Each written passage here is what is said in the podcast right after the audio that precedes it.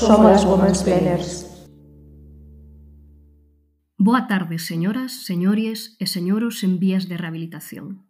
Benvidas unha semana máis ás Women's Planers, o podcast coas señoras que máis forte opinan do pod galego. Hoxe, acompáñanos Teresa Moure, que moitas das nosas ouvintes coñecerán xa polo seu labor como escritora, narradora, autora de algunhas novelas multitraducidas como A xeira das árbores e Erva Moura.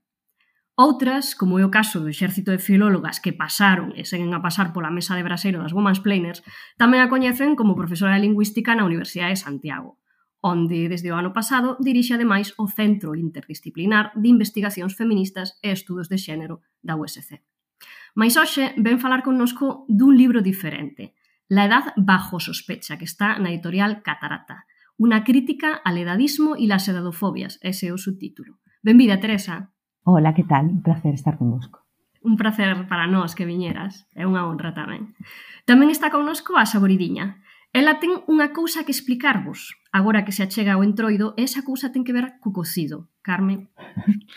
Pois supoño que é a miña vez de que me quitedes o carné de persoa galega, porque o que sempre me dicides eh, cada vez que acontece o entroido e digo que non quero ir a un cocido porque non gosto do cocido, Eh, así que nada, asumide que hai persoas que non gostas, non gostan do cocido, un deses exemplos son eu, non aguanto carnes cocidas, nin a presentación do cocido eh, é unha cousa que non consigo, sinceramente.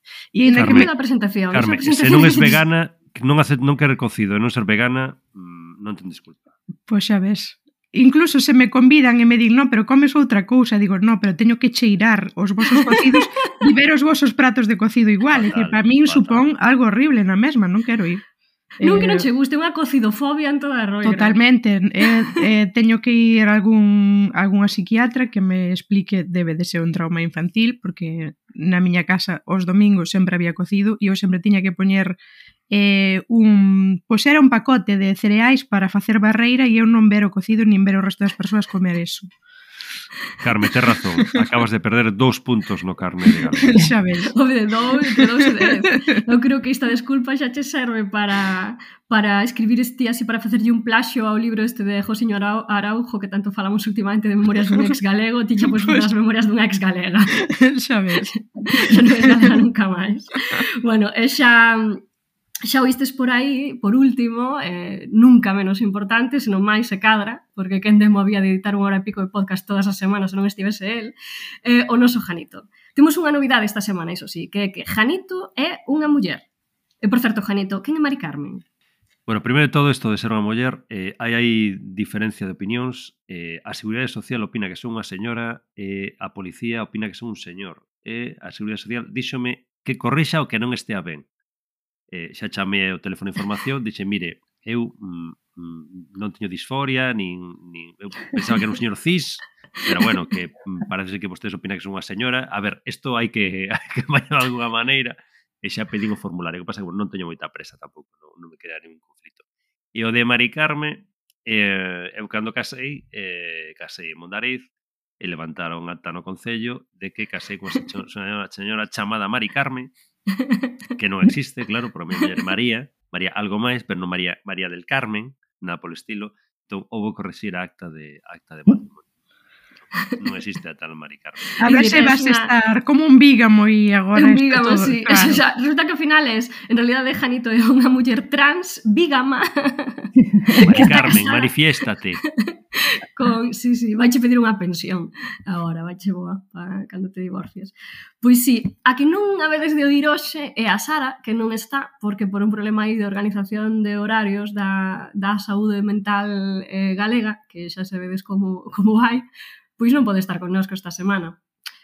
Eh, o Sergas ens roba. Sí, a propósito de Sergas, a veces de oírme a min tusir e quizáis espirrar de cando en vez intentarei silenciarme ou que o Janito dite despois porque ando un poquinho pocha. Sí, bueno, eh, pois xa oiche desa malvada profe que, aínda que xa ten calefacción, parece que aproveitou agora para ter calefacción, queixarse quedase na casa porque ten este super catarreira non sabemos se con febre ou sen febre, tiveches febre, febre do sábado noite, non? Que foi? A ver.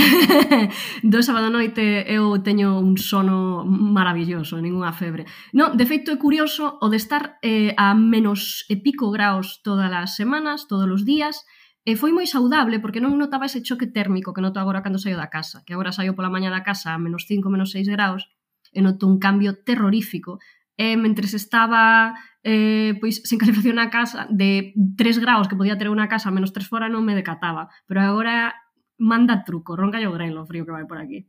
En fin, Por certo, a semana pasada esquecimos unha cousa moi importante, que felicitar a Ané, a Laura Veiga, que é unha eh, Ané Barros, entenda, enténdase, non sei se coñecedes eh, outra Ané, eu solamente coñezo ese, a Laura Veiga, que é unha habitual das Women's Planers, e a un rapaz tranquilo que seguimos eh, eh todas polas redes polos premios youtubeires que se entregaron pois hai agora eh, unha semana.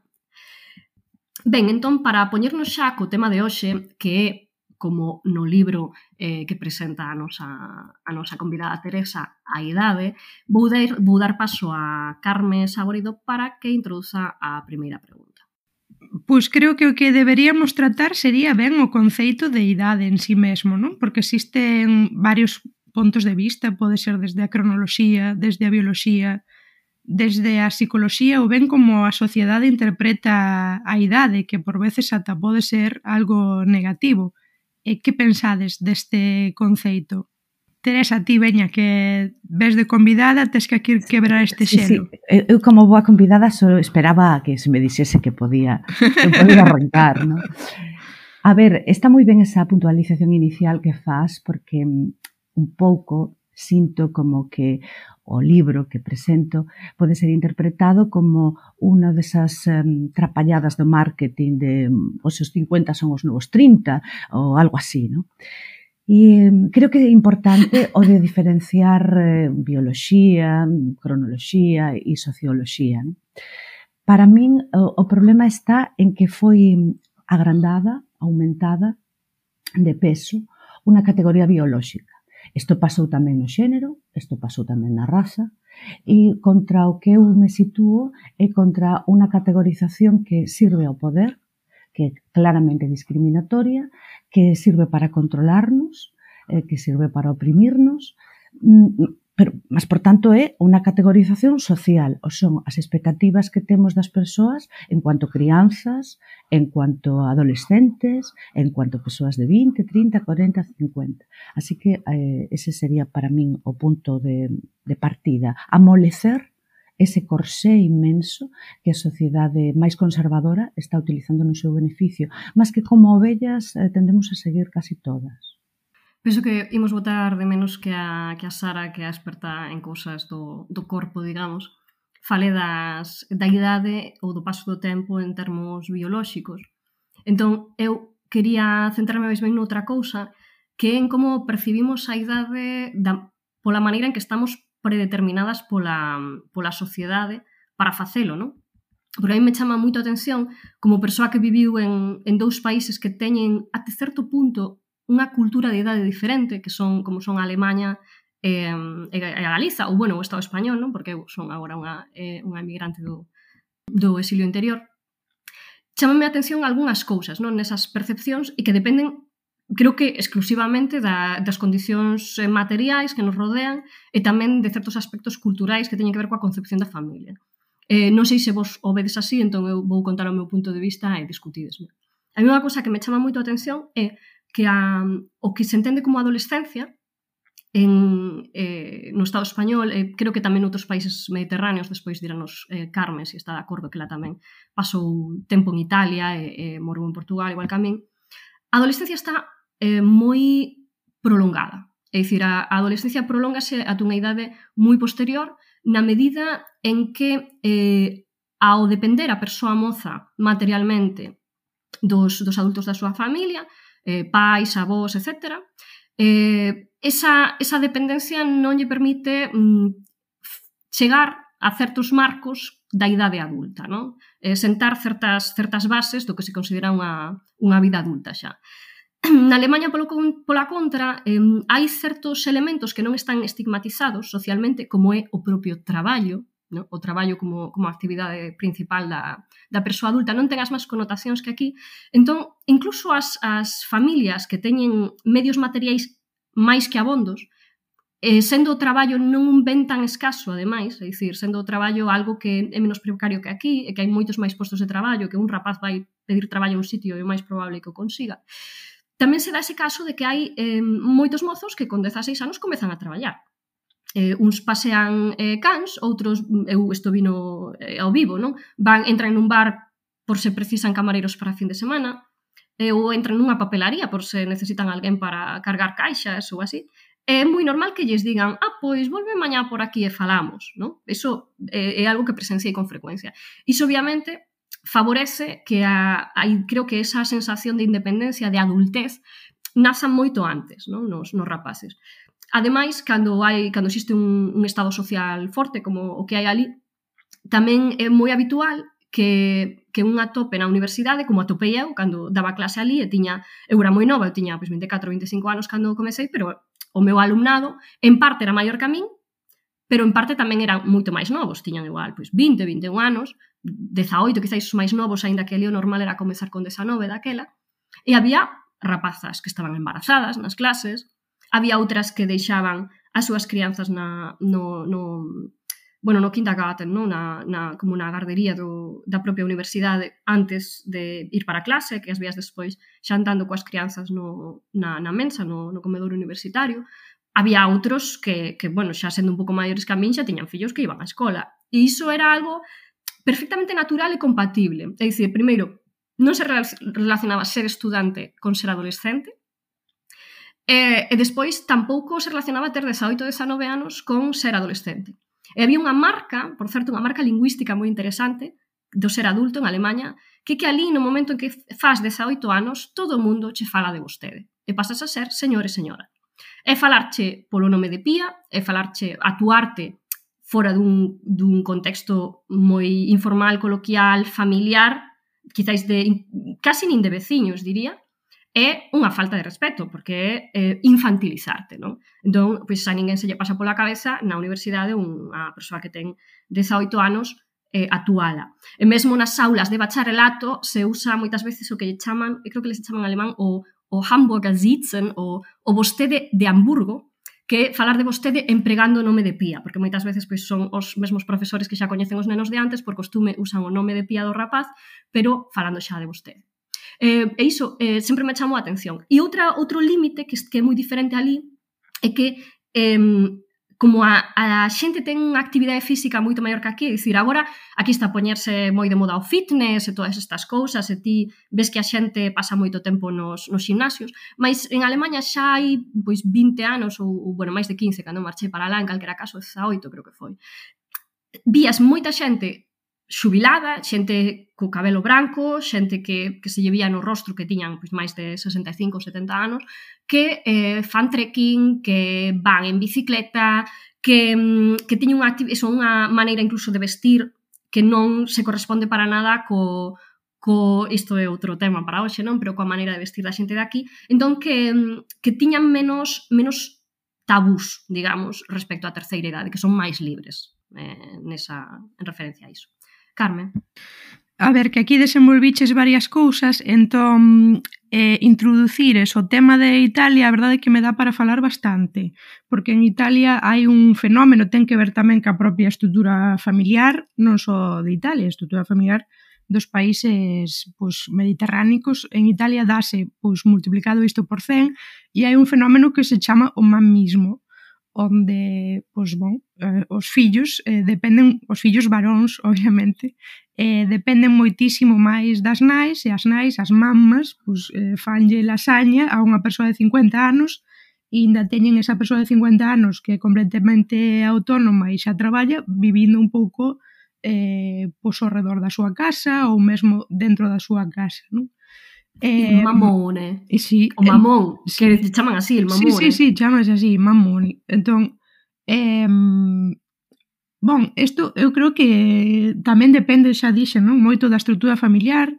Eu en padrón teño xente que da miña idade eh, pois xa teñen un traballo de hai moitísimos anos, e aínda viven na casa dos pais, non porque haxa un problema de encontrar casa en padrón porque iso non o hai, ou porque eles non teñan posibles non para sair de casa, sino porque, non sei, tampouco pensaron outra cousa, non pensaron que a independencia tamén é un pouco esa marca, non? De que entras na, na idade adulta porque és independente, que iso tamén poderíamos falalo, non? Eh, moitas veces se pensa que iso pois, eh, xa tes eh, maneira de independizarte de teus pais, pois entón aí é cando entras un pouco na, na idade adulta, que eu tamén vos quería preguntar, non? En, en que idade vos quedastes, ou en que idade pensades que, que estades, porque eu hai veces que que miro para min, non? Incluso para min o 2019 foi un ano moi marcante, porque eu eh, é dicir, eu moi inconscientemente, cada vez que alguén me pregunta a miña idade, teño como que pensala, porque non, non me identifico moito con ese número que aparece no meu documento, non? En 2019, pois, aprobei as oposicións e unha semana despois souben que estaba grávida, que son como fitos para min de idade adulta, E hai veces que, que me miro no espello e digo, jo, que adulta son, non? Porque eu estou como nos 23 anos aínda, síndome como mentalmente de 23 anos. E iso ten tamén moito que ver eh, co que dixo María, non das formas de tratamento. Eu penso que aquí que iso xa está completamente perdido, pero, por exemplo, en Italia ou en Portugal pois existen formas lingüísticas de, de tratamento que fan un pouco esa, esa marca, non? E lembrome de cando fomos a Italia pois para facer este curso, que ao final que metiu ali un tempo vivindo, eh, pois fun con unha compañeira que estaba xa, eu diría que daquela tiña ou 40 e tal, ou, ou ia entrar nos 50, e dixo, jo, é que claro, aquí chamanme de señora. E eu daquela tería uns 20 e tal, e dixen, claro, pero se non es señora con 50, cando vas ser señora? É dicir, porque a min tampouco é unha palabra que me pese, non? non, non nunca me causa trauma que no Nadal veña alguén menor e que me diga, señora, me compra usted unha rifa, porque eu asumo que teño 40 anos e que mm, tampouco é non sei, non é, non é doloroso para min que me traten de señora, nin, é dicir, eu abrazo esta etapa como tantas outras abracei. Eh, e penso que eso, que como aquí as formas de tratamento xa están un pouco denostadas ou incluso, non, a xente cando en español lle chama de usted parece que é un pouco xa como de pitorreo, non, non, eh, non para demostrar eh, certo respeto, senón por veces como para estar aí pois non sei, ironizando tal vez. E penso que estas marcas lingüísticas tamén teñen que ver un pouco con, con certas mudanzas sociais. Bueno, non sei que pensades disto que acabo de dicir. Eu non sei, eh, cando dixo das mudanzas lingüísticas, pois que ten máis que ver coa Galiza, porque eu que vivo aquí na, na meseta, eu falolle de, de vostede os meus veciños, ningún, ningún me dixo nunca, non? Os daqui da, da praza, son xente de idade, quero dicir, xente de idade maiores que meus pais, todos eh, xubilados e tal. Eh, nunca ningún me dixo que, que o atuase, quero dicir. Mm, falolles polo nome de pía, eso sí, pero ninguén me dixo que actuase. Eu sabes que lle falo de vostede tamén, os alumnos polo costume que collín, teño, eu teño unha reflexión detrás diso, non? que ten que ver co, iso, co tempo que pasei ensinando en Alemanha e tamén co tempo que pasei ensinando no Centro Superior de Hostelería de Galicia, en, en Santiago, que creo que nunca falei diso no podcast, pero ali, por ser un, un centro pois privado, onde se paga moito, e onde os rapaces pois pagan por ter unha unha eh, educación, unha formación, mellor dito, eh, moi específica para o mundo da hostelería e tal, pois ao alumnado falaselle de vostede. Entón, eu, pois, eh, pasar de aí a, a, ao ensino público, a eso, eh, é dicir, mm, por que lle falo de vostede a estas persoas? E, sin embargo, non lle falo a vostede a estes rapaces de 12, 13 anos, que pasa? Merece menos respeto porque non están pagando 7.000 euros o mes, ou, perdón, o ano, ou por ou porque non son adultos, non? Entón, bueno, uh -huh. sempre o fixen. Algúns rapaces gustes máis, outros menos, pero en calquera caso, como profe de alemán, eh, é natural que, que se fose Frau, eh, señora, eh, e non outra cousa, porque como se lles chama aos profesores non se chama profe, ni se lles fala polo nome de pía, en alemán o profesor e a profesora é Frau Herr e, ou doctor, dependendo se ten un tít, outro título adicional, e o, e o apelido é punto, e iso non, non significa, pois, eh, nada máis que, que unha maneira de, de referirte a eles ou a eles. Eh, é, é engraçado iso no meu caso porque eu eh, tampouco trato de tú os alumnos, pero fago eh, unha forma de tratamento que existe en portugués que é colocar terceira... o, o artigo, o nome e despois a terceira persoa. Entón, claro, sí. levo, levo varias semanas dicindo, aínda que eu te trate así, ti non podes falar en primeira persoa. O Artur, que non sei que... ti tens que usar o eu, non, non, non dividas a tua mente como se, se foses aquí unha persoa con varias personalidades, non, ti tens que usar o eu, o que pasa que eu nunca vou usar o tú contigo. Eh, Teresa, veña, que tes aquí claro. levantada. Eu creo que está moi ben que comecemos falando pues, así, non, non directamente o edadismo pola bellez, mas eh, bon, polas etapas eh, pois máis temperás. Non? Eu estou convicta de que mm, o termo adolescente forma parte do discurso de odio. Igual que cando falamos ou evitamos palabras como negro ou como maricón, deberíamos evitar palabras como adolescente. É un termo que procede das ciencias da saúde e, por tanto, que pretende marcar o proceso biolóxico da puberdade. Ese é un proceso íntimo e habitualmente os procesos íntimos non saen nas conversas, ninguén fala de defecar nas conversas. Imaginemos cuántos profesores, sobre todo de ensino medio, falan dos seus adolescentes con normalidade. As miñas amigas profesoras de ensino medio abusan dese termo moitísimo. E eu sempre digo, e se esa persoa que chamas adolescente a cara te contestase menopausítica? eh, interpretase aos teus estados de ánimo en función da tua idade. Sí, sí, é que eu estaba pensando mesmo, claro, igual, andropáusicos sí, tamén. Sí, absolutamente sí. duro. E por hai veces hai unha infantilización, non? Porque cantas desas profesoras non din, mis niños? Sí, sí, sí. Tamén. Sí. Hmm. As, hai moitísima bibliografía sobre a adolescencia vinculada á educación e sempre se presenta como uh, unha época en que as persoas so, están inseguras. Acaso existe alguna época en que as persoas estexan seguras? Eh, como que se, se atrapallan acaso non nos atrapallamos todos cando entramos en ambientes sociais que non coñecemos. Eu, eu creo que se, eh, se sobredimensionou ese concepto maravilloso da bioloxía que é o das hormonas. Que pasa? Que despois xa non temos hormonas? non respondemos ao, ao desexo, non realizamos actos sexuais mesmo indebidos ou, ou, ou pouco meditados, mas no contexto galego, eso creo que se dá en todo o Occidente, xa que vos referíades moito a outras culturas, a cultura alemá e a cultura italiana, pensade que no contexto galego isto está moi sancionado polos refráns, polos proverbios, ou seja, eh, leña verde, xente moza, todo é fume, ou seja, son unha merda, é discurso de odio. E mm, hai unha conceptualización un pouco de que non son seres verdadeiros, semiseros, son semiseres, están en transición. Por eso eh, eh eu utilizo moitas veces a, a metáfora esa da larva eh, eh, que, que acaba sendo borboreta, ¿no? esa metamorfose que nos leva a, de, a un período supostamente de culminación que é a idade adulta, a idade burguesa do poder, ¿no? do, dos 40. E hai, eh, ademais, un proceso interesante que o de que a mocidade non existiu sempre, igual que a nenez, durante a maior parte da historia da humanidade, primeiro as máis non se encariñaban cos bebés porque sabían que podían perdelos con moita facilidade antes dos cinco anos.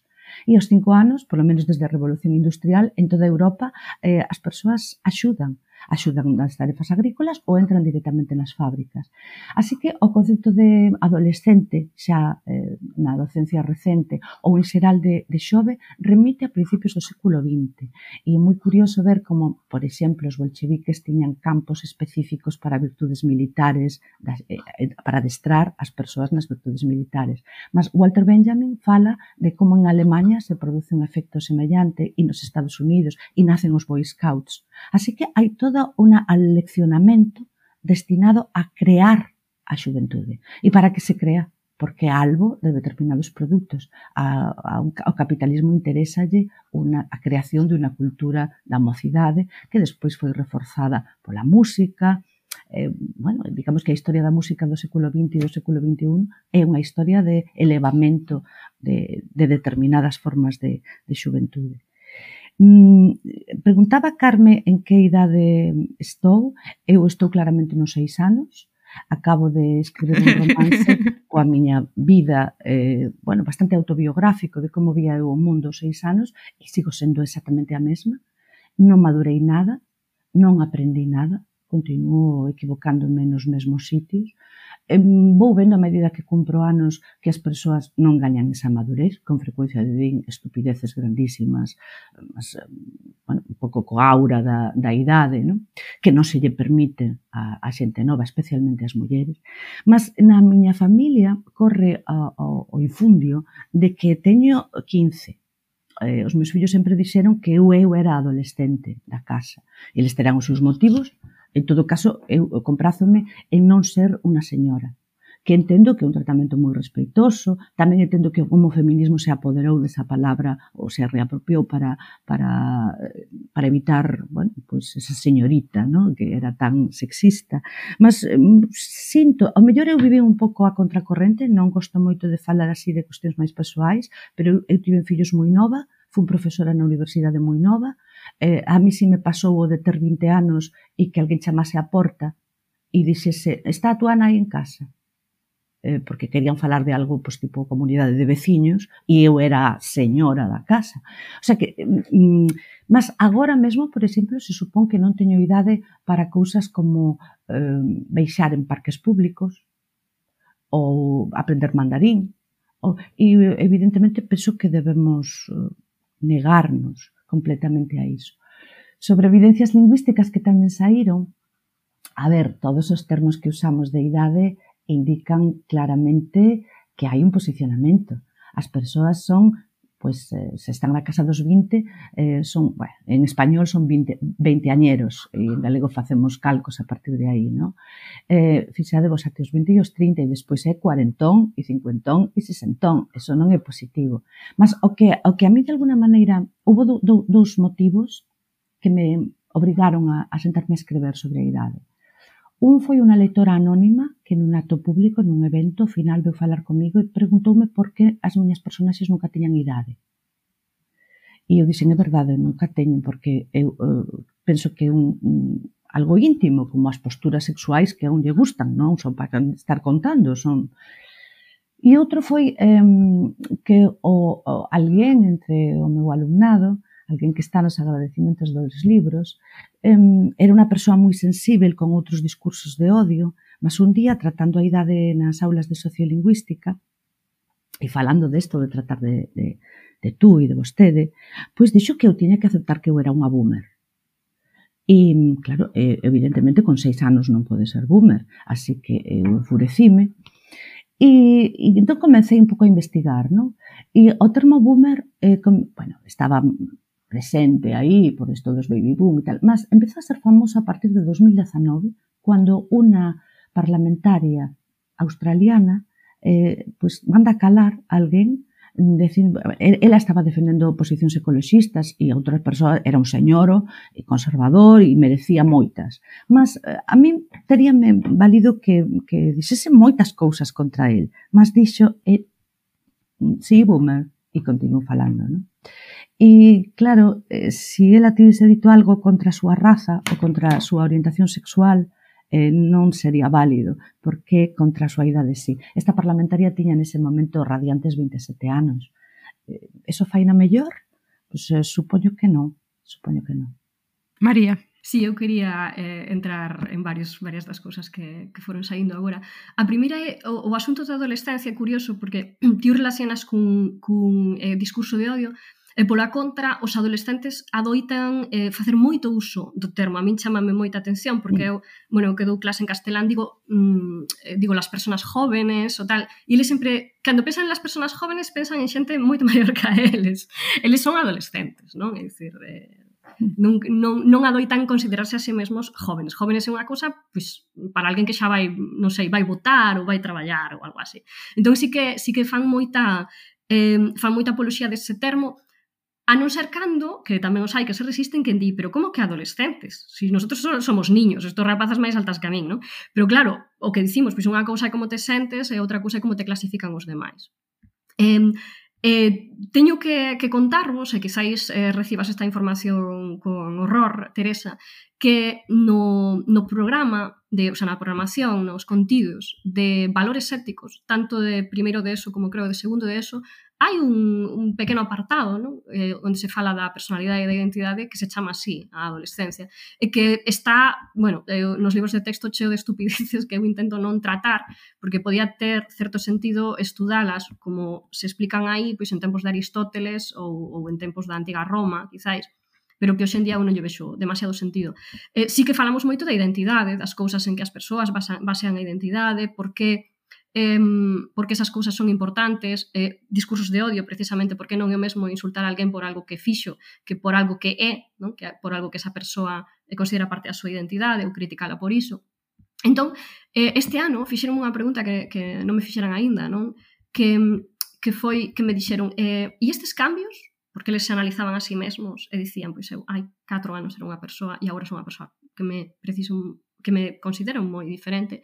E estes cambios cando paran, non? Cando, dicir, cando chega o momento, eu non entendía Nunca. a pregunta, digo, cando chega o momento en que miras para atrás e dis, no, xa agora xa, xa son. E eu dixenlles, pois, si polo que a min respecta, creo que nunca. e de feito, eh, respecto á adolescencia, é unha cosa moi curiosa que, que eu eu creo que eu non tive en adolescencia, non? Non o, non o pensaba daquela, sentíame rara, pero eh, cheguei a esa conclusión despois de que me dixera a miña nai, dime se ti non, non tiveches adolescencia, ti un día eras unha nena e despois un día o día seguinte comportabaste xa como unha persoa adulta. É dicir, pasei de, do pensamento máxico destas cousas que, que caracterizaban máis para min a miña infancia, non? que para min pois, foi iso, o pensamento máxico en todas as súas eh, en todas as súas variantes, incluída, incluída a religión católica, eh, a, ao pensamento xa puramente racional, a prudencia, a organización, a todas estas cousas. Non? Entón eu pois diría que si quedei en algún lugar, quedei pois iso nos 12, 13 anos. Eh, que, que penso que a miña identidade non cambiou moito desde aquela.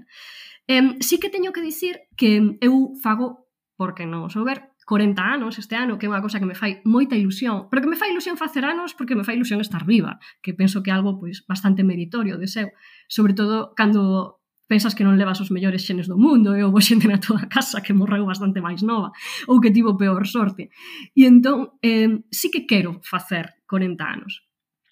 O que di Carme dos fitos, por exemplo, aprobar as oposicións, eu fillos non teño, eu aprobei as oposicións xusto o verán que facía 35 anos, non? nel mezzo del camín di nostra vita, que decía Dante. Entón sí que foi un pouco simbólico, pero iso pensei no a posteriori. Pensei, que, que bonita casualidade, que, que estético, non? Que, que, que xustiza poética ata certo punto, pero fora diso non significaba demasiado para min ese fito. Tampouco significaba eh, por exemplo, o feito de que comprei casa este ano. Sí que é verdade que dicía, me estaría ben sobre os 40 anos, pero era máis por contas matemáticas que tiñan que ver coa xubilación, cos cartos que gasto, que coa simboloxía da idade en sí mesma. Um, o que sí que me acontece é que se non lle dou especial importancia a estas divisións xeracionais de boomer, eh, X, eh, senials, a, nos, a miña é a millennial, non? Millennial, bellenial, xa dos, dos maiores, quero dicir, alén do chiste, pois non significa moito para min pertencer a esta, esta cohorte, ou non me sinto máis particularmente identificada cos meus compañeiros mm, mm, nin, nin si nin non, quero dicir, nin todo o contrario. Eh, sí que hai cousas que me irritan e eu, por exemplo, que ten que ver coa infantilización. Pero que me irrita a infantilización, é dicir, que me irrite que me confundan cunha persoa menor de idade aos meus 40 anos, en parte porque me parece ridículo. Eh, en realidad o que me irrita non é que me confundan con un neno, o que me irrita é como tratan os nenos. Non? Eu que aparentei 13 anos até os 25, quizáis, non? Que cando empecé a dar clase precisamente en, en, en Freiburg, un profesor dali do departamento onde eu ia dar clase, díxome, carai, cada ano deixan vos entrar máis novas na universidade, e eu tiven que dicirlle, desculpe, non son estudante, son docente. E entón o señor estaba aterrorizado pola, pola falta de respeto que acaba de cometer, pero a falta de respeto non sería menos porque eu tivese 18 anos, que non os tiña, non? E, e entón creo que iso é ben curioso, porque algo que me pasou tamén hai, non sei, 4 ou 5 anos, que un, un compañeiro da tarde de FP me quixo botar da sala de profesores porque pensou que era unha nena a filla de alguén que estaba ali facendo deberes e que non se correspondía porque ali iban ter unha reunión importante, non? Un departamento. E, e en realidade o que me molestou Iso non foi que pensara que tiña 15 anos, non hai nada malo en ter 15 anos. O que me molestou é como tratamos, é dicir, a falta de respeto con que se trata xente desas idades. E por iso, dai ven tamén un pouco do vostede, que o de un pregar o vostede coa xente de 12, 13 anos, porque é algo que me lembra a min mesma que estou a falar con seres humanos plenos e completos e dignos de todo respeto. E, e ainda que non me leve ben cos, co, co meu alumnado sempre, o sea, quero decir, non sempre me levo ben con todos, a mi eu dou clase, pois en PEMAR, en diversificación, sei que me enfronto a conflitos máis graves que os outras aulas. O feito de que os alumnos digan cousas como que son unha persoa moi educada ou que eh, que, que noten que vou de, de bo humor a clase, ese tipo de cousas, pareceme pois case máis importante que que, que me consideren competente na miña materia, que non o son, ademais, porque eu non dou clase de alemán agora mesmo, sino que estou a dar clase de xeografía de Nova Castela, que, que vamos, sei un chisquiño máis que a eles o xusto para lles dar clase. Teresa. Se tomásemos o teu caso como exemplo, e creo que bastante habitual, moitas persoas non recoñecen non ter adolescencia. Así que pasan da infancia a un período en que se mostran xa prudentes ou seguras ou máis ou menos racionais. máis ou menos digo porque nunca somos completamente racionais. Mm, entón, poderíamos pensar que a adolescencia foi algo inventado ou algo producido. E sería, creo, moi enriquecedor esa, esa formulación, un pouco para conseguir o efecto que, que, que, o que acababas a tua intervención, ese efecto de respeito para todas. A democracia debe implicar respeito tamén para as persoas máis novas. Non? Mas eh, mm. que, que teña existido ese invento e que as persoas, as propias persoas adolescentes, o utilicen, se autocategoricen, ese é o, para min o absolutamente perigoso. Eh, o, termo, o termo boomer, por exemplo, eh, estáse utilizando segundo o meu alumnado, eh, aplícase ás persoas de 30 anos. Eh, a partir de 30 anos. Ou seja, que xa non son os baby boom. Claro, eu decía, eu de, de facto, eu non podería ser da xeración baby boom, son máis nova, así que son da xeración X, vale, unha categorización máis. Mas de, de, depois da X está o I e o Z. Hai, hai mil categorizacións feitas pola socioloxía, así que as persoas se poden estar sempre mandando a outras persoas a irse a chochear a outra parte. Ese é o asunto. Unha hipercategorización Claro, en beneficio do odio. A algunhas persoas, por exemplo, coas que eu estou na facultade, que son xa sabedes como, como é o ámbito universitario, onde despois de seres estudante podes continuar a ser algo un pouco ficticio, un doutorando é alguén que non é exactamente profesora, mas non é exactamente xa estudante. Ben, moitas desas persoas que teñen en torno a 28 anos, poñamos, eh, din frases como é que eu xa non podo, E se xa non podo, pode ser un exercicio físico, ás veces ridículo, por exemplo, de, decir cousas como eu antes camiñaba, vivía en tal sitio e ia andando, ahora xa non podo camiñar 40 minutos, ou xa non estou para sair de noite. Elas se están expulsando, se están enviando para unha suposta bellice. Así que cando tú eres maior que elas, por exemplo eu, e lles digo, a ver, eu sí, hai como un que juvenil, eh, unha aclaración de que estás fora da túa categoría. Pois este é o problema, a hipercreación de, de vasos estanco e a que sirven e a que, a que alimentan. Dirías entón que, o, que ben que te conservas para, para a túa idade pois é claramente odio. Claro, é, non? É tamén pois unha maneira de dicir non estás onde deberías estar, non? Sí, Eres moi guapa sí. para ser negra. Sí, sí, sí, sí. Sí. así. Eh, María, querías dicir algo, perdón.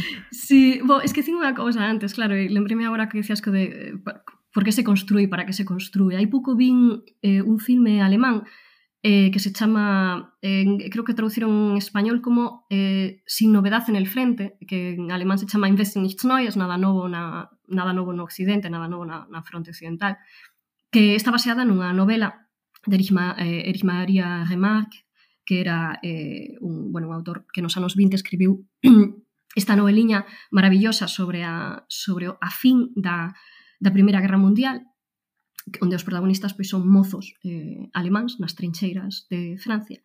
Eh, a, O filme tivo bastante, perdón, o filme, o, a novela tivo bastante éxito, no seu momento tivo moita recepción, sobre todo no Reino Unido, porque se, se identificaban moito tamén, claro, con esas, con esas historias que non porque non era unha, unha novela nada partidista, falaba da guerra en si sí mesma e era, pois, en consecuencia, extremadamente antibélica. E houve unha, un primeiro filme dos, de finais dos anos 20, creo, 29 ou 30, eh, feito no Reino Unido, houve outro filme feito no, 70, no ano 70 e algo, e este último filme a min gustoume moito, eh, por 5 ou 10 minutos que, que introduce ao comezo antes dos créditos, creo que eh, bueno, que segue o, o percurso dun uniforme militar alemán, ¿no? desde que o leva o seu primeiro dono ata que cae na, nas mans do segundo. E creo que eses cinco minutos en sí mesmo son unha curta metraxe que definen perfectamente o que é a maquinaria da guerra.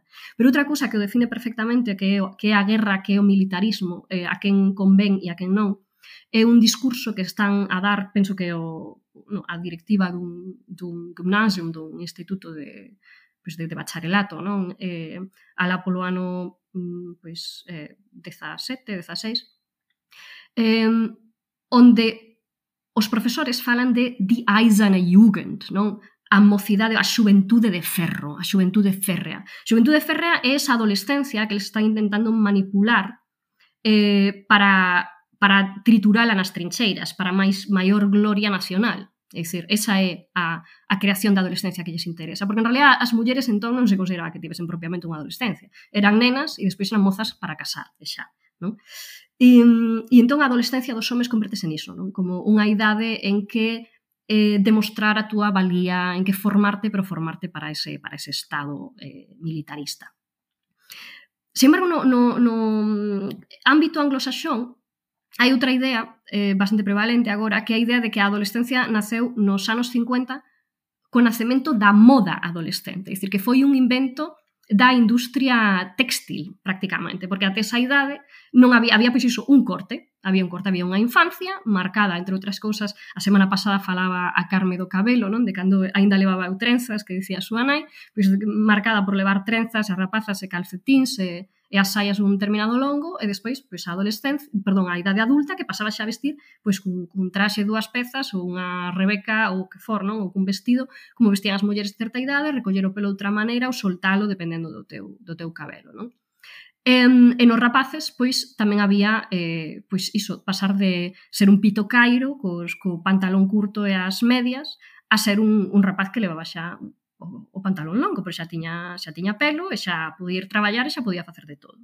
Entón, nesa, nese momento hai unha crease iso, a moda adolescente, é dicir, comezan a crearse unha serie de, de marcas de estilo que te identifican como algo que non é un neno pero que tampouco é plenamente adulto. E tamén se comezan a crear algúns pois estilos de música, eh, estilos de, de series, de filmes, de, de bandas deseñadas, etc., específicas para, para adolescente, para adolescencia, é dicir que o obxectivo último é sempre explotar ese grupo de idade, cando, cando, a, a, cando o Estado ou cando a, o capitalismo nos encaixa, nos fai encaixar nun grupo, nos fai clasificarnos e etiquetarnos a nós mesmos é para explotarnos mellor, eh, ven como traballadores, eh, ven como soldados, como era o caso este, ven como consumidores.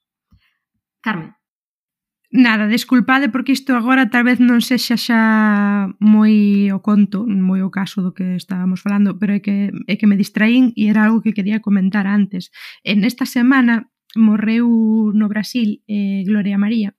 Gloria María eh, era unha repórter da, da Globo, a primeira reporter negra en sair no, no Jornal Nacional e ela nunca, nunca revelou a súa idade, non? Tivo unha carreira pois, moi extensa e moitos fitos dentro do mundo do xornalismo e era un pouco como un misterio cal era a idade da, da Gloria María. Pois morreu no día 2 de febreiro, non?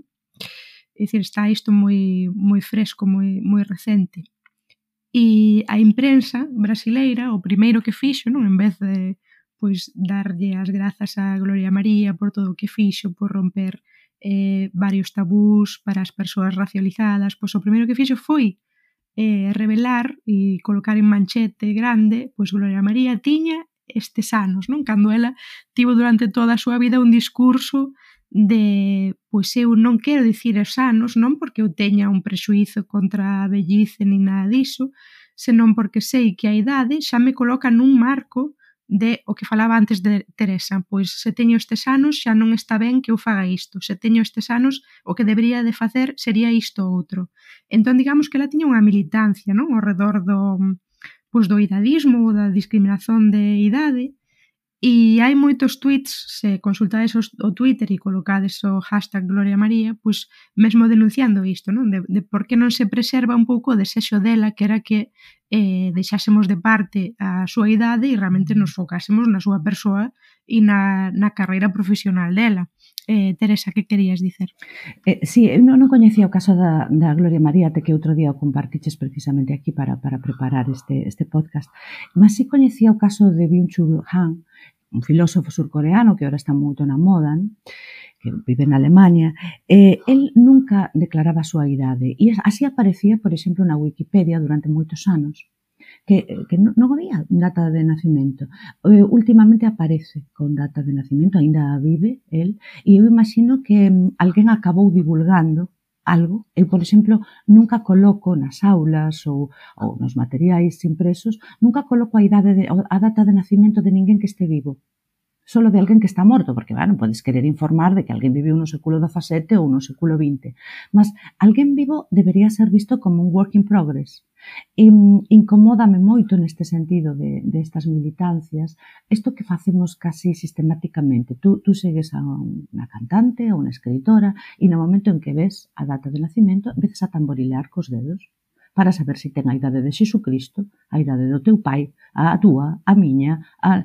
Mm, eso significa que, que irámolo ou non, eh, estamos reinterpretando sobre a idade e, por tanto, é unha información confidencial. Agora mesmo, por exemplo, moitas institucións estáse traballando cos protocolos para a mudanza de nome no caso de persoas que transitan de sexo ou de xénero, e non hai protocolos para eh, reservar ou preservar unha información como a data de nacimento. Supoñamos que mm, un caso, non? Supoñamos alguén eh, podese mudar de nome ao longo da vida, podese mudar de apelido, podese mudar de enderezo, podese mudar de estado civil, agora xa non ven, no, por lo menos no, no, no cartón español. Por que non se pode mudar de idade? Que pasaría? Acaso os dados non son meus? Mm. E eh, sobre esta, esta ficción eh, de mudar de idade, é porque obxectivamente tes que ser eso. Pois eso tamén se podería aplicar para o sexo de nacimento e conseguimos eh, xa non aplicalo. Por iso eu vexo moi necesario de construir a idade para poder crear esas identidades múltiples que serían ese work in progress. E penso que mm, esa militancia existe en casos como de Gloria María, en casos como de Byung Chul Han. Eu, eu síntome parte desa militancia, mas non é moi habitual. Parece que un é máis sincero cando pode estar aí, de, de, tendo unha armonía entre o que pon nos seus papéis e o que é. E só un comentario máis. Fixadevos, digo por isto dos papéis, do que digan os papéis, fixadevos eh, que se pode adoptar nos Estados. Pódense adoptar crianzas. Non podo adoptar un emigrante ilegal. Non podo adoptar a un vello ou a a unha vella. Igualmente non podo adoptar unha montaña, por exemplo, para, para que non caia baixo os dentes do capital. Así que podo adoptar nenos e nenas, supondo que eh, todas as persoas desexamos sea, na teoría, supoño que é o que está por detrás, todo o mundo desexaría ser pai ou mãe, cando sabemos que eso non é non é certo, non? Mas eso tamén contribúe a ver os nenos e as nenas como unha especie de, de animais de compañía, permítaseme a metáfora, tan encantadoras, tan, tan lindas, non como as montañas, non como os imigrantes ilegais, non como os vellos. Así que una, un movimento cívico contra insumiso, contra revelar a idade, em, podería traballar moito contra moitas das eh, rutinas discriminatorias que practican os estados, penso.